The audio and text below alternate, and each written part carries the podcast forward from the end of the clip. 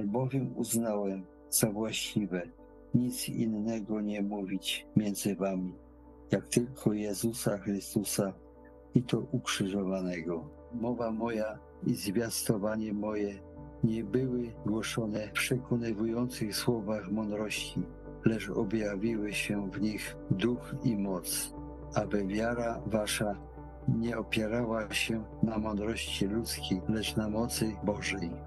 Ale my głosimy mądrość Bożą, tajemną, zakrytą, którą Bóg przed wiekami przeznaczył ku chwale naszej.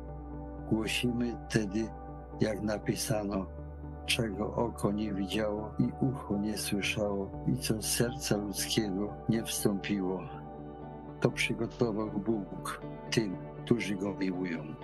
Albowiem nam objawił to Bóg przez Ducha, gdyż Duch bada wszystko, nawet głębokości Boże. A myśmy otrzymali nie Ducha świata, lecz Ducha, który jest z Boga, abyśmy wiedzieli, czym nas Bóg łaskawie obdarzył.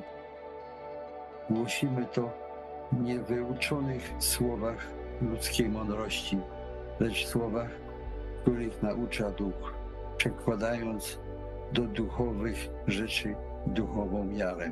Ale człowiek zmysłowy nie przyjmuje tych rzeczy, które są z Ducha Bożego, bo są dlań głupstwem i nie może ich poznać, gdyż należy je duchowo rozsądzać. Człowiek zaś duchowy rozsądza wszystko, sam zaś nie podlega niczyjemu osądowi. Bo któż poznał myśl Pana? Któż może go poczuć? My jesteśmy myśli Chrystusowej. Niech znają upodobanie słowa ust moich i myśli serca mojego u Ciebie, Panie, opoko moja i odkupicielu mój.